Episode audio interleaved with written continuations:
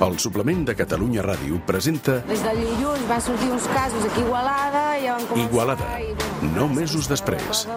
Un reportatge sobre el primer confinament. Amb Roger Escapa.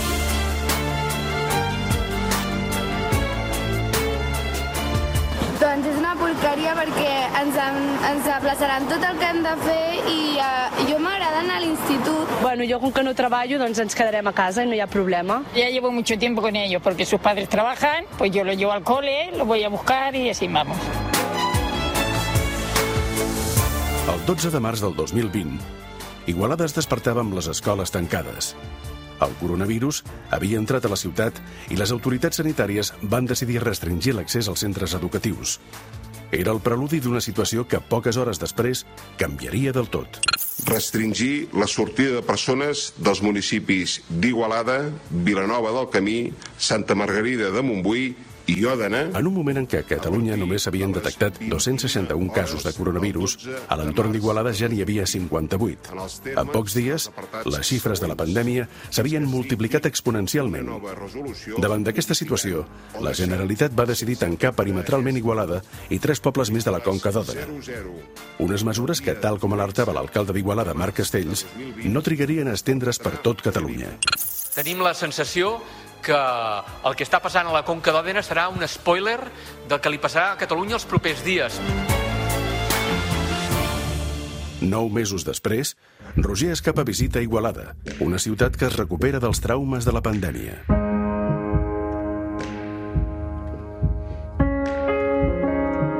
Marta Xidó, bon dia. Bon dia. Com estàs? Bé, Tu ets periodista, fa uns temps ja que treballes i vius a, a Igualada. On som ara mateix? Situa'm una mica, Marc. mira, som a la plaça de l'Ajuntament, al centre ben bé d'Igualada, i diríem que durant el pic alt de la pandèmia aquí, a la Conca d'Òdena, es va convertir una mica en l'epicentre de- del, que, del que estava passant. De fet, els primers dies d'aquesta pandèmia hi havia una compareixença diària de l'alcalde. Sí. Eh, suposo que des d'aquí dins, no? També? Des de dins de l'Ajuntament. Era aquí a l'Ajuntament, per això et dic que es va convertir una mica en el punt d'informació que teníem als ciutadans, al marge del que pogués venir des de la Generalitat o des d'altres llocs. L'alcalde cada dia feia aquesta compareixença des d'aquí de l'Ajuntament. No hi havia gairebé periodistes, tot era telemàtic, però jo estava aquí dins d'Igualada, jo venia cada dia i, i va ser la manera de poder explicar què estava passant. Explica'm com et va enganxar això fa nou mesos a tu. A mi em va enganxar doncs, aquí a casa. Jo estava en un moment en què no estava treballant enlloc, però feia quatre dies, literalment. I en el moment que ens van tancar, doncs, tant Catalunya Ràdio com TV3 em van demanar, si us plau, que expliqués des d'aquí dintre, que fos els ulls i la veu, perquè Catalunya sapigués què estava passant dins la Conca d'Òdena. Com es va viure tot això des d'aquí dins? Perquè era una mica els conillets d'Índies, no? Va ser el primer lloc que es va tancar, hi va haver aquell brot tan gran també dins de l'hospital... Jo ho descric com neguit una mica, però a la vegada tampoc sabíem què estava passant. Si ens enganxés ara, si hagués sigut en aquesta segona onada, ja tots sabem una mica què és el coronavirus, quines conseqüències té, però en aquell moment no sabíem què estava passant. I, i de cop i volta, d'un dia per l'altre ens diuen demà les escoles no obren. I al cap de 24 hores ens diuen no, tanquem perimetralment la Conca d'Òdena. I ha sigut el confinament perimetral més dur que s'ha viscut a Catalunya. Després hi va haver el del Segrià, però no va ser tan estricte. Aquí teníem Mossos d'Esquadra totes les entrades i sortides i no entraves ni sorties. Vull dir, estaves aquí dintre. I ja et dic, era una mica el neguit aquest de dir què està passant, no? I que al final Igualada és una ciutat relativament gran, però a la vegada és petit i tot et queda dues passes. L'hospital està aquí al costat. I tothom et deia que l'hospital allò era... No, no t'ho sabien descriure i no sabies ben bé què estava passant. I vam complir, jo crec que la, la ciutadania d'Igualada i de la Conca vam complir moltíssim. És a dir, se'ns va dir quedeu-vos a casa i jo ja et dic, venia cada dia a l'Ajuntament i no veies ningú al carrer. revisant imatges d'aquells inicis d'aquell mes de març, de mitjans mes de març, de tot Catalunya, no portàvem mascareta, eh, no en teníem ni idea de res, no? Han passat nou mesos, ha passat un embaràs i han canviat moltes coses, no? Moltes. De fet, encara... Jo crec que no en som conscients ben bé del que estem vivint encara ara. Que ens falta la perspectiva del temps per dir hem viscut això. I és el que dius tu, les mascaretes era impensable que fossin obligatòries, tot i que aquí, per exemple, quan jo venia a la roda de premsa, cada dia em feien posar la mascareta. Ha sigut un... eh, Jo crec que és això, eh? necessitem la perspectiva del temps per entendre el que estem vivint ara. Igualada va ser el primer epicentre a Catalunya d'aquesta pandèmia. Tens la sensació que, que hi havia cert estigma pel fet de ser d'Igualada també en aquelles setmanes? o estàvem sobrepassats tots plegats? Jo crec que ho has escrit molt bé. En un primer moment penses, hosti, Igualada, no? I els, els amics, evidentment, el dia que se'ns va dir que se'ns tancava, jo, personalment, vaig rebre un munt de missatges de gent d'ànims. Són 15 dies, clar, al principi eren 15 dies. Però després jo crec que tothom va veure que no era una cosa d'Igualada. Igualada vam tenir el problema de que va ser un brot a la ciutat i com que tot és a prop, va afectar el personal de l'hospital, però no era una qüestió de que a Igualada passava perquè era Igualada, no. Podia haver sigut Igualada com qualsevol altre lloc.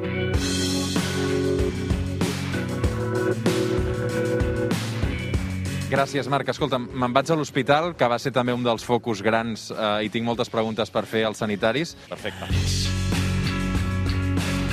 Un dels focus principals del coronavirus a la zona es va produir a l'Hospital d'Igualada. El 12 de març, el dia que es va anunciar el confinament, hi havia 36 sanitaris afectats per la Covid-19. Una situació que empitjoraria, i molt, en les setmanes següents.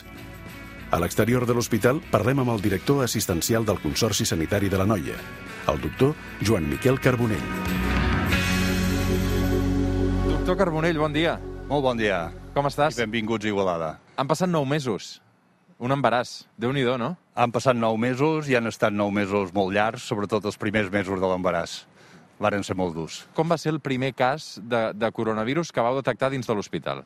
La, la primera confirmació d'un cas va ser la setmana del 9 de, del 9 de març, un pacient que ingressa el diumenge 8.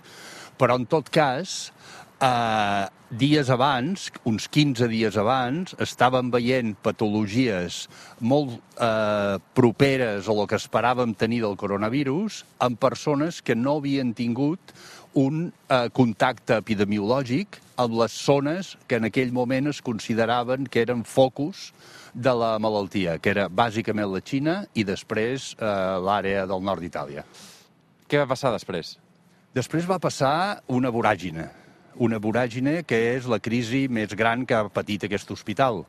Uh, va passar una voràgine perquè, a més de tenir un número d'ingressos entre 40 i 50 cada dia uh, durant aquella primera setmana, 40 o 50 pacients que venien urgències amb símptomes de pneumonia greu, uh, vàrem començar a caure malalts els professionals. Uh, el període d'incubació d'aquesta malaltia és uh, fins a 14 dies i, per tant, suposàvem que abans de que detectéssim aquests casos i, sobretot, es confirmessin en proves diagnòstiques, el virus estava corrent aquí, aquí fora i els nostres professionals que viuen aquí, que treballen aquí i que eh, es relacionen aquí, doncs havien estat infectats com la majoria, o com una part important, més que la majoria, com una part important dels, pacient, dels, dels pacients que vivien a la Conca de l'Òdena.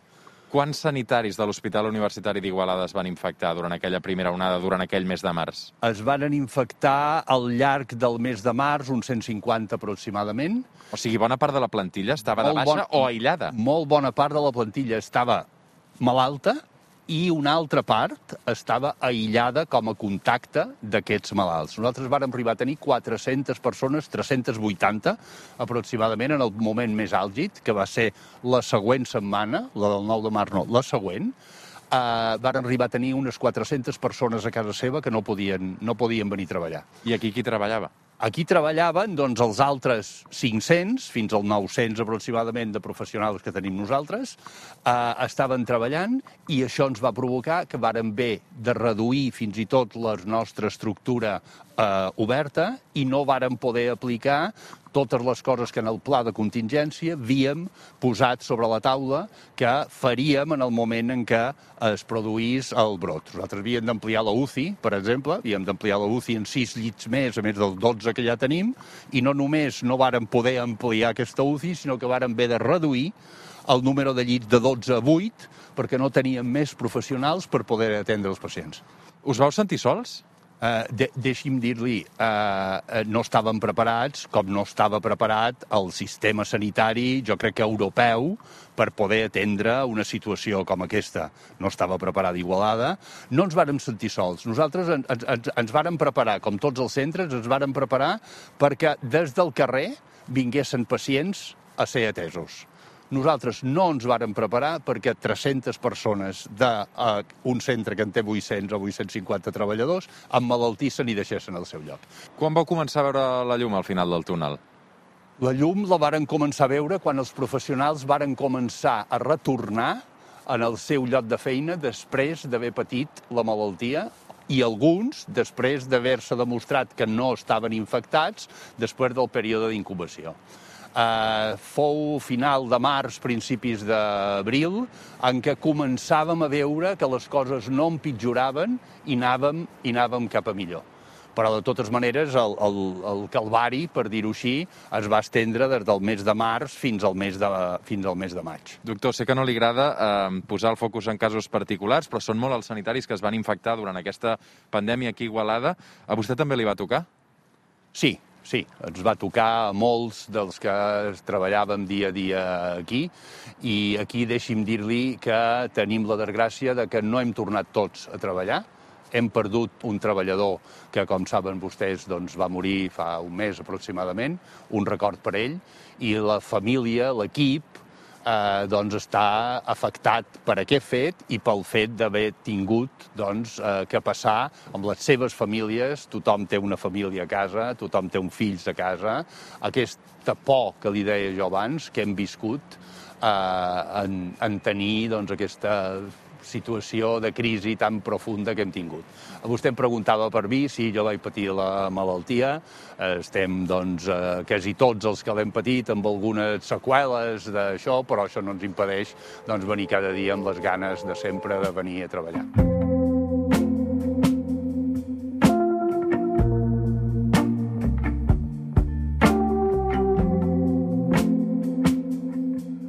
Doctor Carbonell, moltes, moltes gràcies. Uh, molta sort, també a la seva disposició. Moltes gràcies a vosaltres. Serà un abisme on he caigut o el paradís que em dones tu.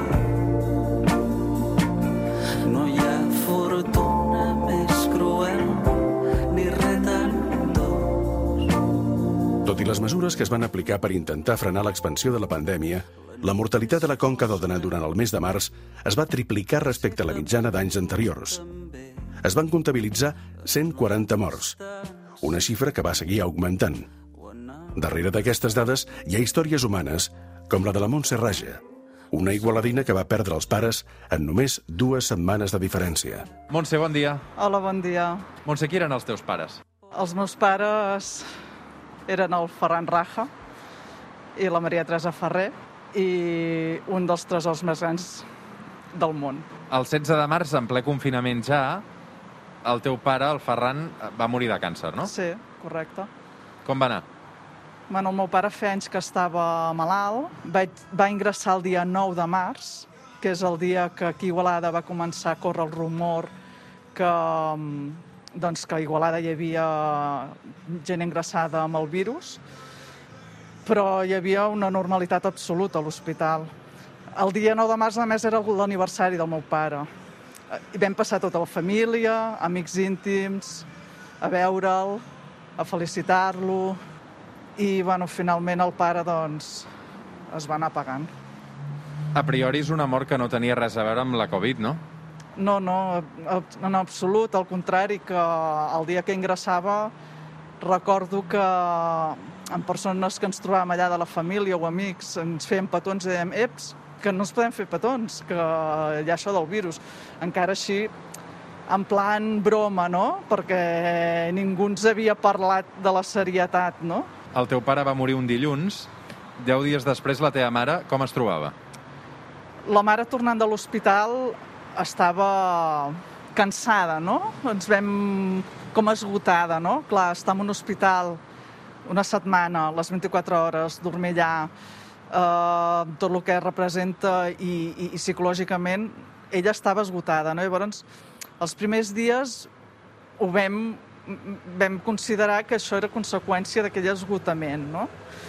fins que al cap d'uns dies va trucar al cap, li van receptar una medicació, li van donar unes pautes i li van dir anirem fent el seguiment per telèfon. El dijous d'aquella setmana la van trucar per veure com estava. La meva mare els hi va dir que, bueno, que no havia millorat, i li van dir hauríem de fer una radiografia. Doncs jo la vaig acompanyar al CAP i allà ja va començar, va començar tot. Vau sospitar que podia tenir Covid? En cap moment. Jo en cap moment. La Maria Teresa, que és la teva mare, eh, va morir el 31 de març, just 15 dies després que el teu pare. Sí. Te'n vas poder acomiadar, tu? En certa manera, sí. Mm, Va ser mm, molt estrany. Li van confirmar que tenia Covid i la derivaven junt amb altres, amb altres pacients a l'Hospital General de Catalunya. I em va trucar una doctora i em van donar el pronòstic. No em deia exactament el què, però em donava a entendre que la mare estava molt malament. I a quarts de tres de la matinada em va trucar un doctor que necessitava autorització per poder-la sedar. Jo no sabia què li havia de dir. Em donava la sensació que si li deia que sí, li estava donant permís perquè ella comencés a marxar. Aquest metge em va fer teràpia. Jo li deia "És que acabo de perdre el pare, no puc perdre la mare. ¿Quieres que le diga algo? Jo li vaig dir, digue-li que l'estimo molt, que l'estimem molt. I, bueno, hi vam penjar. I a l'endemà, sobre quarts de deu del matí, jo estava a casa dels pares, precisament, i em truca una infermera de la mare. I em diu, penja, que ara et farem una videotrucada. Vaig veure la mare, vaig poder parlar amb la mare. Ella, jo no l'entenia el que em deia, perquè portava una mascareta molt, molt aparatosa, i em, em anava fent senyals amb el cap. Jo no sabia què dir-li. Només li deia que l'estimàvem molt i que l'estimàvem i que l'estimàvem. No sabia què dir-li, és que em vaig quedar amb xoc total. Adéu, adéu. Em va atendre una doctora i dic, expliqueu-me què està passant. Ara ja la sedarem eh, definitivament i estava una mica conscient i com que sabem que sou d'Igualada i no podeu venir, per això us hem fet la videotrucada. I aquesta, aquest va ser el comiat amb la mare. Mare, germana i filla d'aquí,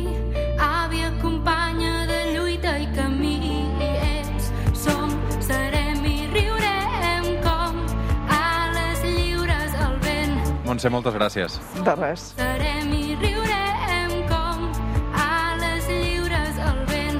L'alta mortalitat provocada per la pandèmia ha afectat les empreses funeràries.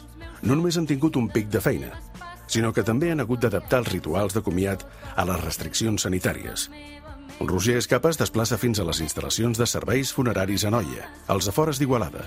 És on l'espera un dels responsables de l'empresa, Jaume Gabriel. Jaume, bon dia. Bon dia, què tal, Roger? On som ara mateix? Som al crematori d'Igualada, el crematori de la Conca de l'Atena. Què hi va passar aquí fa nou mesos? Vam treballar una bestiesa. Què vol dir una bestiesa? Fins l'esgotament.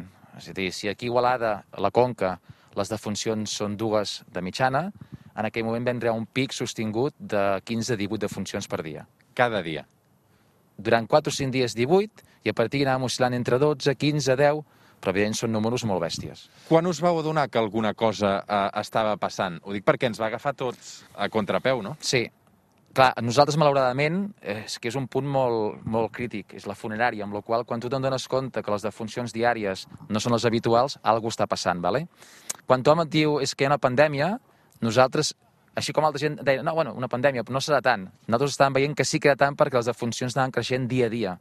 Un dia per l'altre es duplicava, l'endemà es triplicava, fins a arribar doncs, un per, per, per, per 3, per 4, per 5 i per 6. I ens dones compte que la cosa va de veritat. I donàveu a l'abast? Perquè, clar, acostumats a fer dues cremacions al dia, a passar-ne a fer 15? Sí.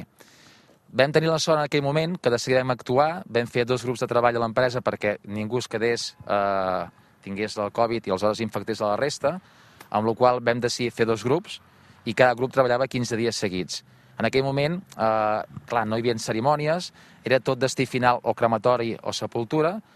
Evidentment, això fa que es cursi molt el que és el comiat d'una persona. També des del govern també trenquen aquella, aquelles 24 hores que abans hi havia d'obligació per fer la incineració o l'enterrament, amb la qual malauradament una persona es moria una hora i al cap d'una hora es podia enterrar o incinerar. Evidentment, previ permís de la família, previ parlar amb ells, etc etc. I per aquest motiu s'aconsegueix donar l'abast. Era un virus totalment desconegut, no? I tampoc sabíem com havíem d'actuar davant, per exemple, una persona que havia mort de Covid. És a dir, anàveu protegits? Hi havia alguna mena de protocol? Evidentment, des del primer dia nosaltres ja tenim equips EPIs, amb la qual els fem servir a diari. Uh, ningú s'infecta. Desconeixem si un difunt ens pot eh, infectar o no, no ho sabem, però és igual. Nosaltres, com anem, quan anem a l'hospital o als domicilis on anàvem, anàvem amb tot el que és l'equip de protecció i ningú de la funerària va agafar, en aquell moment, en aquell moment eh, que sapiguéssim, va agafar el que és el virus. Era molt terrible, eh? Hi havia blocs que podies anar-hi tres dies seguits i haver-hi tres difunts diferents. Era gent gran majoritàriament o hi havia de tot? Sí. La mitjana d'aquí Igualada, un pic comptat, anàvem a parar als 82 anys, és a dir, hi havia gent que era molt gran. En alguns municipis, no sé què va passar aquí, eh, van créixer molt les cremacions per sobre dels enterraments, no? Ja no Sí. sé si fins i tot passava per sobre de la voluntat de la família per la situació que teníem. Com es va gestionar això aquí? Què va passar? Això per mi que era un problema de desin- desinformació. O sigui, cada dia es deien coses diferents via ràdio o via televisió, amb la qual la gent no sabia en aquell moment el que s'havia de fer. T'ho preguntava tu, no? Què és el que hem de fer? Evidentment, nosaltres informàvem del que es podia fer. Es podia fer una incineració o es podia fer una sepultura. Però sí que realment les incineracions creixen perquè la gent es pensava o tenien la informació que s'havia incinerat sí o sí un difunt per Covid, cosa que no era així. Però és cert que van créixer les incineracions per aquesta mala informació que es donaven als mitjans. I el protocol per fer una cerimònia de comiat, eh, tan bon punt va arrencar aquí la pandèmia a Igualada? Sí. Qui, què seguíeu? Perquè entenc que no hi havien les limitacions per persones com, com es van produir després, no? És a dir, Sí. quin protocol vau seguir? Què fèieu? Els primers dies el protocol no existia i a partir de que realment la pandèmia, a partir del 13, 14, 15 de març, que és quan realment tot es comença a tancar, aquí el protocol era eh, cada defunció, com a funerària, obríem una finestra via WhatsApp, fèiem la tramitació via WhatsApp, la gent et donava la seva conformitat i en aquell moment només el que podien fer és acompanyar. És a dir, les famílies en aquell moment estaven desconsolades, estaven tenint una impotència brutal. I clar, havien de deixar a les nostres mans aquell enterrament, aquella incineració del seu familiar. Què fèiem nosaltres? La gran majoria no podien vindre, demanaven que ens enviessin o fotos, o escrits, o una cançó, i a peu de crematori o a peu de sepultura fèiem d'últim familiar, és a dir, donàvem el cunyat nosaltres per ells. When you're sad and and you haven't got a friend, just remember that death is not the end. La mort sempre és molt freda, però esclar, imagina't tu que es mori qualsevol familiar teu i no el puguis ni acomiadar, o no puguis anar a fer una celebració, el que sigui. Això és fotut. I ara actualment què passa? Que amb les restriccions eh, les sales de vella poden entrar 6 persones, a lo que és l'oratori 30 persones, vulguis o no vulguis, la gent no pot acudir-hi com, com voldria.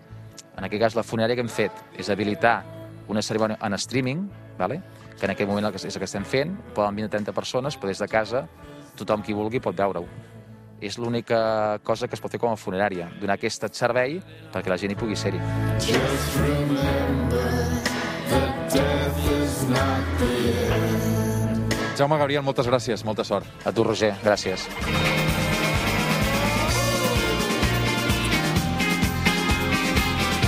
Com sí que tenim gènere ens arriba a la farina, pues, un cop estigui tot el pa venut, ja tancarem a la tarda. Cada dia és una cosa nova, no? Avui ha anat a treballar la meva parella, ell és sol a la fàbrica, són tots de fora, com que ho han fet tot tan ràpid, ha de tancar l'empresa. Una de les preocupacions principals de la gent quan es va confinar a la Conca d'Òdena va ser si hi hauria desabastiment d'aliments. En poques hores, milers de persones van anar als supermercats, com el que regenta la Dolors Termens, al centre d'Igualada. Dolors, bon dia. Bon dia. Com estàs? Molt bé. Som al teu supermercat. Sí, No va tancar fa nou mesos. no. Tot el dia, tots els dies vam estar aquí, al peu del canyó. De fet, veu treballar més que mai, no? Vam treballar molt. Què recordes? Bueno, els primers dies, por. No sabien què passava. Eh, ens faltaven les mascaretes. Era una de les coses que vam trobar molt a faltar. Eh, ens deien que els proveïdors ens deien que no podien entrar. Eh, Se'ns quedaven a la porta, no entraven. Després ens vam trobar també tota la gent gran d'aquí al centre que no podia venir a comprar. Clar, ells eh, els hi compraven persones que els, els ajudaven a comprar, no, podien, no els hi anaven a les cases. I clar, tot això van ser trucades telefòniques, comandes, moltes coses a posar, molt gènere.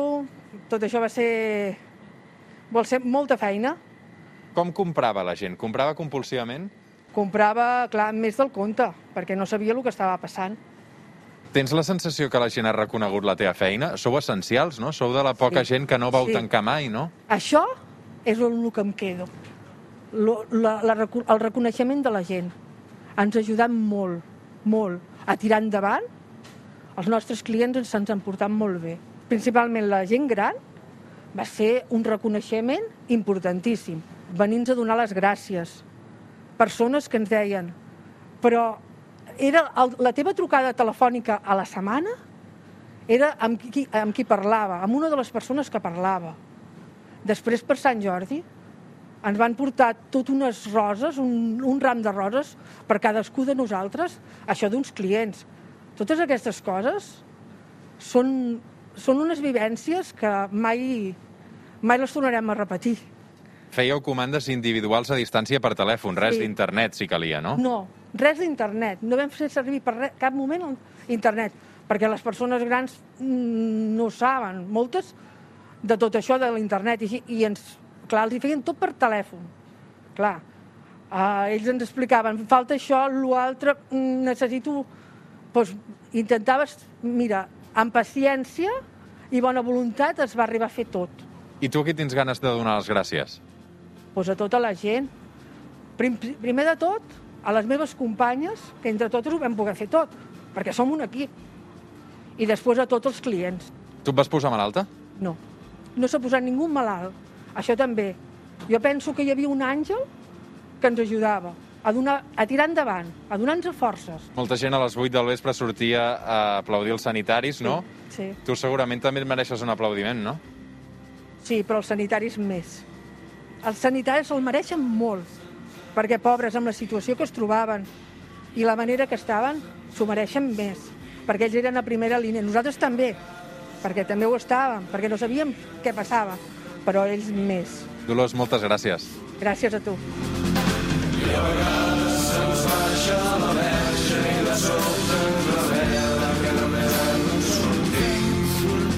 A Catalunya Ràdio, Igualada, nou mesos després. Un reportatge del suplement, amb Roger Escapa. Que un moment.